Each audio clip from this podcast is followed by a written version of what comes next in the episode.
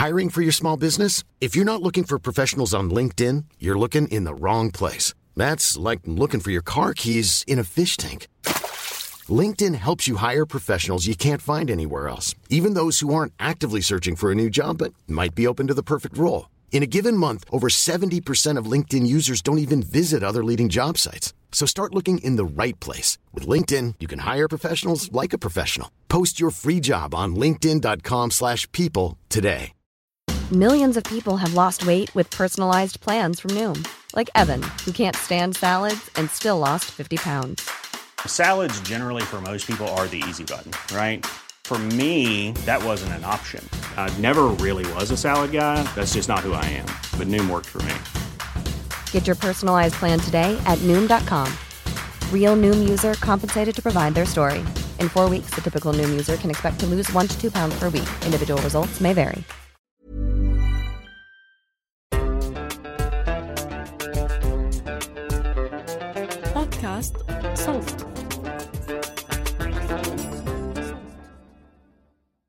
مرحبا. أنا رنا داوود وهيدا بودكاست دمتك.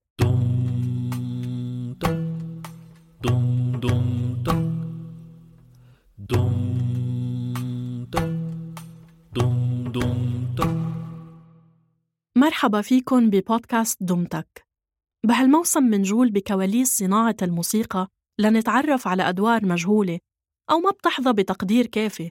مع إنها بتساهم بنجاح اللي تحت الأضواء. أنا كنت يعني مهتم بالأرشفة مش بس على يعني من روح الفنان أو روح حتى المستمع الشغوف بالموسيقى العربية لأ هو كمان من روح المؤرخ. يعني أنا مهتم جدا بالتاريخ وبعتقد إن الأرشفة هي شكل من أشكال التاريخ وهي عامل مساعد كبير جدا جدا لروح المؤرخ. بهالحلقة منسمع من كريم جمال.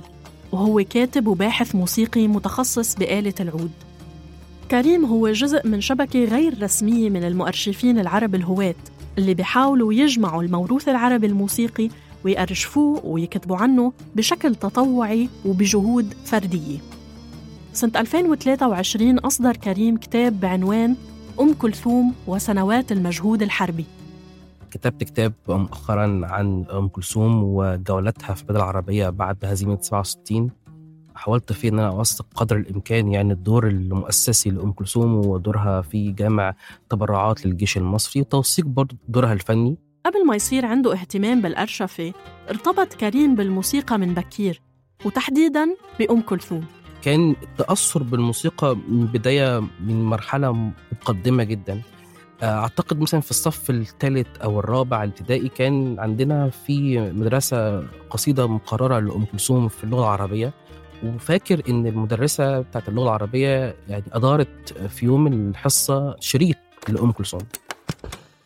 وفي ختام هذا الحفل الكبير أم كلثوم في أغنية بعيد عنك.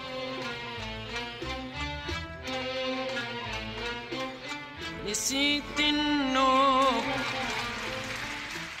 هي مشاعري تجاه النص اللي كنت بقراه بحفظه في الدراسة اختلفت تماما عن مشاعري لما سمعت القصيدة بتاعت أم كلثوم يعني وأنا المفروض طفل يعني ما كانش لسه إدراك حتى معاني الجماليات في الموسيقى أو جمال في الأداء أو جمال في الغناء أو حتى في الشعر نفسه.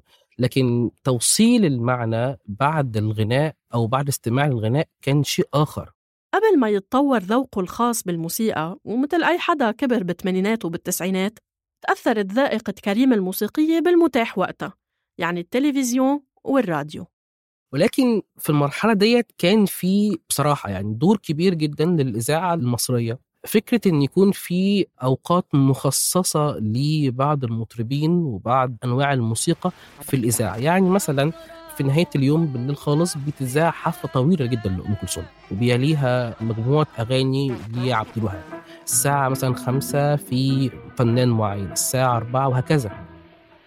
الدنيا ليل والنجوم طالعة تنورها نجوم تغير النجوم من حسن منظرها.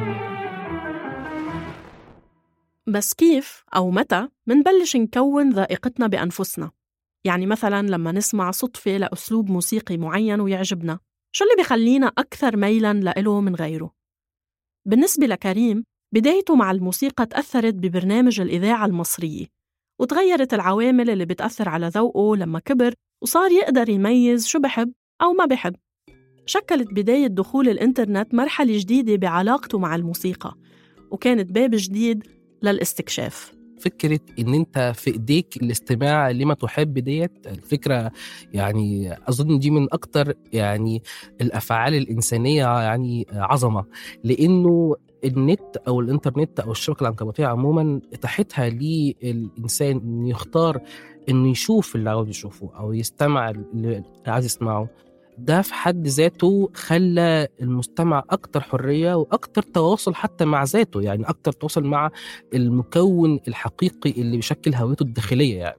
صارت تتنوع المصادر اللي بيقدر يلاقي من خلالها موسيقى وتحديداً موسيقى الست. أنا مهتم جدا بأم كلثوم فمهتم إن أنا أدور على أرشيف حفلاتها بشكل دوري. مهتم إن أنا أسمع اسطواناتها اللي قد تكون مش متوفرة. طبعا مع بداية دخول الإنترنت كان في اكتشاف كبير جدا هو اكتشاف موقع سماعي وموقع زرياب سماعي يمكن كنت أكتر قربا منه لأنه سماعي كان في مجموعة ضخمة جدا جدا من الموسيقيين العرب أو حتى ما يعرفوا بالسميع العرب موجودين فيه مهتمين بكل تراث الموسيقى العربية من المحيط الخليجي. وبدأ يكتشف نوادر وتسجيلات ما كانت متاحة بسهولة بين الناس. طبعا في تسجيلات كتير جدا كانت اكتشاف يعني مثلا أغنية اللي غنتها أم كلثوم في فرح الأميرة فوزيه أخت الملك فاروق على شه إيران. دي كانت اكتشاف أسطوانة تم اكتشافها وتم التعامل معها على إن هي فتح آخر لأن إحنا لأول مرة بنسمع زفة عرسان بصوت أم كلثوم. ده شيء مختلف تماما.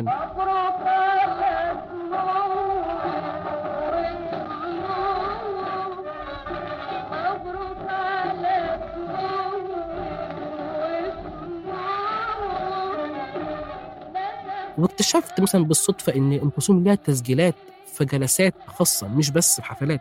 ده كان يعني نوع آخر من السمع لإنه أنت بتسمع أم كلثوم من غير ميكروفون في جلسة مغلقة بعدد موسيقيين قد يكون أو اتنين أو ثلاثة فده شيء آخر. يعني أنا مثلا اكتشفت تسجيل لأم كلثوم في الكويت بتغني كويتي.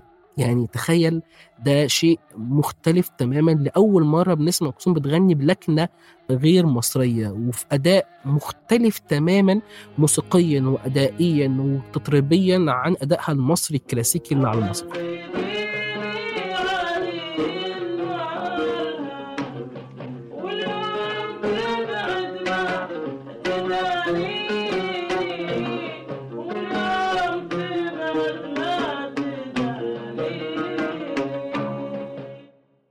طورت علاقة كريم بالموسيقى وصار مهتم أكتر إنه يقرأ بتاريخها وطريقة انتشارها وتولدت عنده تساؤلات عن أسباب رواج فنانين أو أساليب موسيقية وغنائية معينة على حساب غيرها أنا أعتقد إن التواصل الكبير مع الموسيقى العربية بيدفع أي باحث للتعامل مع التراث ده بقدر كبير من المنهجية العلمية. يعني إن يكون في منهج علمي التعامل مع التراث مش بس على مستوى السمع لا على مستوى حتى التواصل وفهم ما نسمعه يعني. والحقيقة إن ده في الآخر بيؤدي إلى ظهور أو يعني التفكير في موضوع الأرشفة. لأنه ببساطة لا يمكن حتى فهم تطور الموسيقى العربية وقفزاتها دون الرجوع لقواعد أرشيفية بتبرز التغير اللي حصل في الغناء وبتفسر حتى مسيرة المطرب أو العازف نفسه. وارتباطه بقى بالسياق الاجتماعي أو السياق السياسي الخاص بالمجتمع حوالين منه يعني. بيشوف كريم بالموسيقى فرصة لبناء سرديات بتأرخ لحقب زمنية أو شخصيات مؤثرة بحياتنا من خلال فنها لحتى يكون عنا صورة واضحة عن حياة هالشخصيات داخل إطارها الزمني ولبناء هالسرديات بيحتاج الباحث يعمل تقاطعات بين عدة أرشيفات للوصول إلى صورة أقرب إلى الواقع. مع البحث اكتشفت إنه في عنصر قد يكون مفيد وأهم وأكبر بكتير جدا من مجرد إن أنا أكون راكن على أرشيف آه، موجود من فترة كبيرة. هو فكرة إن أنا أرجع للأرشيف الصحفي. الأرشيف الصحفي أحيانا كتيرة بيدعم وبيغذي الأرشيف الموسيقي. لأنه وأنا بعمل في الكتاب اكتشفت إن في حفلات لم تكن مدونة في الأرشيف المكتوب عن حفلات أم كلثوم لم يفطن إليها المؤرخين ولم يرجع ليها يعني الباحثين عموما. قد تكون حفلات خيرية حفلات غير مذاعة على التلفزيون أو الإذاعة ولكنها موجودة. وبالتالي كان يعني من الضروري إن أنا أعيد تاني ترتيب حفلات أم كلثوم بين الحربين ما بين حرب النكسه وبين حرب أكتوبر من أجل إن يكون في أرشيف ربما يكون منضبط أكتر لحفلاتها وتوثيقه بشكل دقيق وكمان يكون متصل بخبر صحفي لأن الخبر الصحفي هو أكتر يعني قدرة على ضبط الأيام واحيانا كمان الساعات. يعني أنا كنت ساعات بضيف في كتاب بعض الحفلة بدأ الساعة كام وانتهت الساعة كام لأن ده برضو مهم جدا في كتابة أرشيف وجمعه. خلال مقابلتنا مع كريم ضوالنا على جانب مهم من الأرشفة وهو تحقيق أو تدقيق هالأرشيف وعدم التعامل معه على أنه مسلمات. كل شيء قابل للتحقق وكل تفصيلة بتفرق. مثلا كتير من التسجيلات القديمة المتاحة حاليا بتكون محفوظة بسرعة غير سرعتها الأصلية. غالبا كان بيتم تسجيل الأسطوانة بسرعة ما قد تكون خاطئة من أجل إن كل أسطوانة بيكون لها زمن محدد في الأداء فكان لو المطرب تعداها بيزيد سرعة الأداء عشان تكفي الأسطوانة الأغنية أو القصيدة المؤداة. فضبط السرعة بيكتشف من خلاله أشياء كبرى. يعني أنا هقول مثال على موضوع ضبط السرعة مثلا وإزاي أفاد صناعة الأرشيف الموسيقي. أستاذ عبد الوهاب هو كان دايما بيقول إن هو من مواليد 1910 وطبعا العالمين بهذا يعني يعلم إن هو كان من مواليد 1901 بس هو رحل الصفر مكان الواحد يعني عشان خاطر يصغر نفسه قدر الإمكان. وكان دايما بيستشهد بقصيدة ما سجلها يعني في طفولته كان بيقول إن هو سجلها يعني وهو 21 سنة.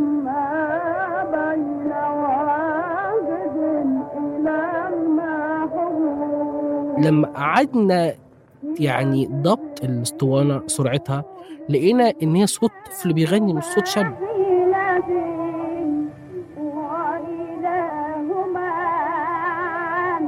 يعني هو سجلها عام 11 وهو طفل مش عام 21 زي ما قال هو هو شاب. فبالتالي هي برضو يعني التعامل مع الأرشيف خلانا نفهم أبعاد تانية في حياة بعض الفنانين. Ready to pop the question? The jewelers at BlueNile.com have got sparkle down to a science with beautiful lab grown diamonds worthy of your most brilliant moments. Their lab grown diamonds are independently graded and guaranteed identical to natural diamonds, and they're ready to ship to your door. Go to BlueNile.com and use promo code LISTEN to get $50 off your purchase of $500 or more. That's code LISTEN at BlueNile.com for $50 off. BlueNile.com code LISTEN. I'm Sandra, and I'm just the professional your small business was looking for. But you didn't hire me because you didn't use LinkedIn jobs. LinkedIn has professionals you can't find anywhere else, including those who aren't actively looking for a new job but might be open to the perfect role, like me. In a given month, over 70% of LinkedIn users don't visit other leading job sites. So if you're not looking on LinkedIn, you'll miss out on great candidates like Sandra. Start hiring professionals like a professional. Post your free job on linkedin.com slash people today. انتشار الإنترنت ويمكن كمان ظهور مواقع التواصل الاجتماعي خلق وسائل جديدة فعالة ومتاحة لكل الناس لتبادل مقتنياتهم الأرشيفية النادرة وإتاحتها للعالم. ولكن هاي المنصات الجديدة مثل يوتيوب و SoundCloud إلها قواعدها الخاصة ومشاكلها الخاصة كمان. يعني مثلا عشان نرفع غنية على يوتيوب لازم تكون بصيغة معينة أو على شكل فيديو وهيدا بيحرمنا من الوصول لتسجيلات صوتية كتيرة. في تقريبا أكتر من نصف قرن من الاداء الغنائي غير مرئي هو مسموع فقط لا غير يعني. طبعا كان في قبل 60 تصوير سينمائي بس طبعا الخام بتاع السينما خام مكلف جدا جدا ويستحيل إنه يسجل حفلة أو أو يسجل آه، مقطع طويل لمطرب بيؤدي أغنية. يعني ده مش صعب جدا جدا يعني.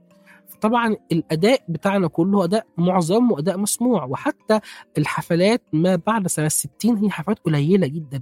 فأي حد بيتعرض لعملية حفظ الارشيف المزيكا العربية بيلجأ لفكرة إنه يحول المقطع الصوتي لمقطع مرئي حتى يتم إذاعته على مثلا اليوتيوب أو يلجأ ل SoundCloud إن هو ينزل المقطع الخاص بالحفلة. وطبعا برضو يعني هذه المواقع أظن بيبقى ليها limit معين في المساحة وده برضو بيحط load أكبر على المهتم بعملية الأرشيف الموسيقي لأنه إما هو يعمل أكتر من account ويحط عليه أكتر قدر ممكن من الأغاني. أو ممكن مثلا Sound Cloud يحذف أغنية من الأربعينيات لأم كلثوم عشان حقوق الملكية الفكرية. فكرة الحقوق الملكية دي أنا اعتقاد إن هي كانت الأول ضربة ممكن توجه لحفظ التراث العربي لأنه هو الصاحب الكيان ده أو الموقع ده هو مش قادر يستوعب إن هذا العمل قد يكون هو مشاع أو إن هو تحول لأداة رائجة جدا جدا عند المستمع العربي صعب فصلها. يعني من قريب برضه حصل نفس هذه السياسة يعني مع بعض أغاني أم كلثوم. وتم حذف كتير من الناس اللي رفعت حفلات أم كلثوم على موقع زي يوتيوب بحجة حقوق الملكية الفكرية. لما تفتحي SoundCloud رح تلاقي عليه محاضرات وتسجيلات نادرة لحفلات أو فرق موسيقية اختفت من زمان. بتلاقي أحاديث شخصية صارت برحلة للبر أصوات بياعين خضرة. حتى ممكن تلاقي حلقات مسلسل. صوت الوطن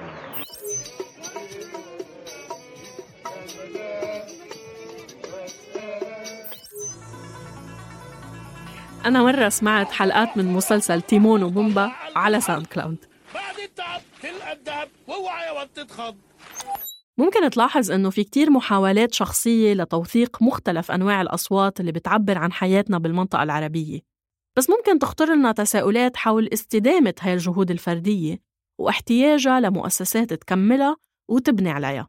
أنا اعتقادي إنه عملية حفظ الأرشيف أو حتى التعامل من خلال الإنترنت وفضل الإلكتروني وحفظ من خلال الأرشيف هي عملية لابد يكون بتدخل فيها أكتر من مؤسسة وأكتر من جهة. يعني الجهة مثلا اللي مالكة حقوق ملكية فنان لابد إن تتواصل حتى مع الكيان أو الموقع أو الوسيلة اللي خاصة بالنشر وتفهمها إن ده متاح وقد يكون أقرب للمشاع. في الآخر الشخص المحروم من الجمال ده هو المستمع. لا الشركة بتاخد يعني فايدة من هذا الأمر الشركة صاحبه حق الملكية الفكرية ولا اليوتيوب أو ال SoundCloud فاهم بشكل أو بآخر خصوصية العمل دوت. خلال عمله اتضح لكريم إنه أرشيف الموسيقى اليوم في كتير نواقص وبحاجة لجهود ممنهجة لسد ثغرات زمنية وتوثيقية. ولنوصل لهالمرحلة بشوف كريم إنه منحتاج تزاوج بين الجهود الفردية والمؤسسية. كتير أحيان منلاقي إنه المؤسسات بيكون عندها التمويل لكن بتفتقر للأشخاص الشغوفين والمهتمين بهالنوع من العمل. وبالمقابل الأفراد المهتمين كتير مرات ما بيكون عندهم رفاهية الوقت بسبب ضغوطات ومتطلبات الحياة. فأنا اعتقادي الشخصي هي المفتاح السر ومفتاح حل هذه الأزمة إن يتم استدعاء خبراء في الأرشيف الموسيقي ناس مهتمين بالمجال الموسيقي وفهم تطور الموسيقى العربية كل إذاعة عربية تمتلك أرشيف موسيقي لإعادة بناء وترتيبه وإتاحته للناس من خلال حتى لو ببرامج إذاعية محددة. وأنا اعتقادي أن المساحة الوحيدة اللي ربما تكون هي الأكثر يعني نجاحا في حفظ التراث أكثر من اليوتيوب أكثر من من هو المواقع الإنترنت المنتدى بمعنى أصح. لأن المنتدى بيبقى في فرصة لمشاركة مجموعة من الباحثين من بيشوف كريم إنه داخل هالمساحة ما بين الفردي والمؤسسي في فرصة جوهرية بيقدر المهتمين والفاعلين بعالم الأرشيف الموسيقي يحققوا من خلالها إنجازات عظيمة. يمكن إحنا عندنا حالة واحدة يعني تغرد خالد السرب وهي مؤسسة أمار في بيروت. هي مؤسسة عظيمة جدا جدا وهي انطلقت يعني من برضو من مجموعة خاصة جدا للمثقف كمال قصار وأشرف بعد كده عليها عازف العود مصطفى سعيد وهي مشروع ملفت للنظر لأنه هي منطلقة من مساحة كبيرة من المادة السامعية الأكثر بعدا عن أذن العربية هي ما قبل عهد السينما الغنائية ما بين التسجيل 2004 لحد ظهور السينما الناطقة في مصر والغنائية وهي المرحلة المغيبة. يعني أمار بيتم إصدار كل فترة كتاب عن شخصية فنية مدمجة بأسطوانة عليها أشهر أعماله المتاحة واللي قد تكون لم تسمع من قبل إطلاقا في أي إذاعة عربية. فأنا اعتقادي أنه على كل يعني وزارات الثقافة وعلى أي إذاعة عربية أن هي تفتح بابها للأرشيف لأنه بالنسبة لكريم الموسيقى هي انعكاس للحضارات بثقافتها وتطورها السياسي والاجتماعي وبالتالي مهم ممارسة الأرشفة للموسيقى العربية وتطويرها وإتاحتها. يعني مثلا إحنا لو ما كناش لجأنا الارشيف الموسيقي كنا مثلا مش هنفهم كتير جدا عن تطور الموسيقى في القرن التاسع عشر أو القرن العشرين واختلاف الموسيقى العربية في عصر مثلا النهضة عصر عبد الحمولي ومحمد عثمان ثم عصر ما بعد هذا يعني ظهور العوالم في الموسيقى العربية وظهور سيد درويش ثم القفزة الكبرى بظهور السينما الغنائية وتحويل المطرب يعني صورة وصوت. تجربة أم كلثوم فريدة بالموسيقى العربية. وتتبع مسيرتها بيعطينا صورة عن الحياة بمصر بالحقبة اللي عاشت فيها.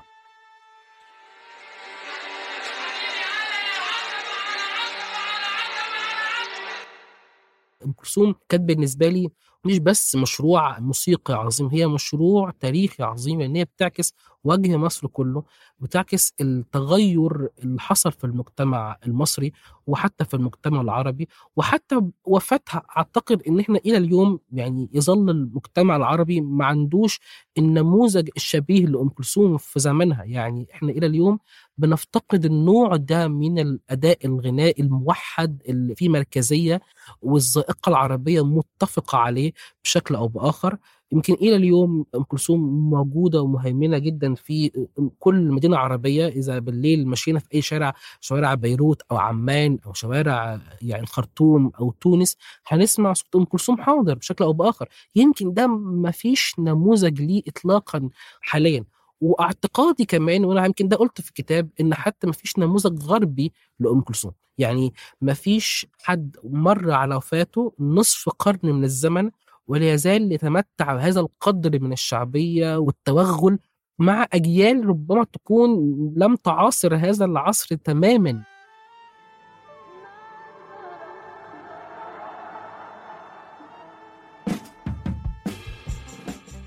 هاي الحلقة من إعداد وكتابة عمر فارس. تحرير جنى قزاز. تصميم الصوت محمد خريزات. ساهمت بإنتاج الموسم وقدمت لكم أنا رنا داوود. اتركوا لنا آرائكم بالتعليقات على راديو ثمانية أو بالتقييمات على Apple Podcasts و Castbox. وتواصلوا معنا عبر صفحاتنا الخاصة على إنستغرام وتويتر أو X at دمتك بودكاست. اشتركوا ببودكاست دمتك على التطبيق اللي عم تسمعونا عبره. دمتك من إنتاج صوت. أنتج هالموسم بدعم من الصندوق العربي للثقافة والفنون. آفاق.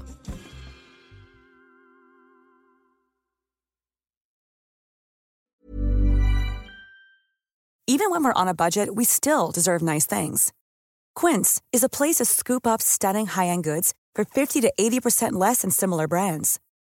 They have buttery soft cashmere sweaters starting at $50, luxurious Italian leather bags, and so much more. Plus, Quince only works with factories that use safe, ethical, and responsible manufacturing. Get the high-end goods you'll love without the high price tag with Quince. Go to quince.com/style for free shipping and 365-day returns.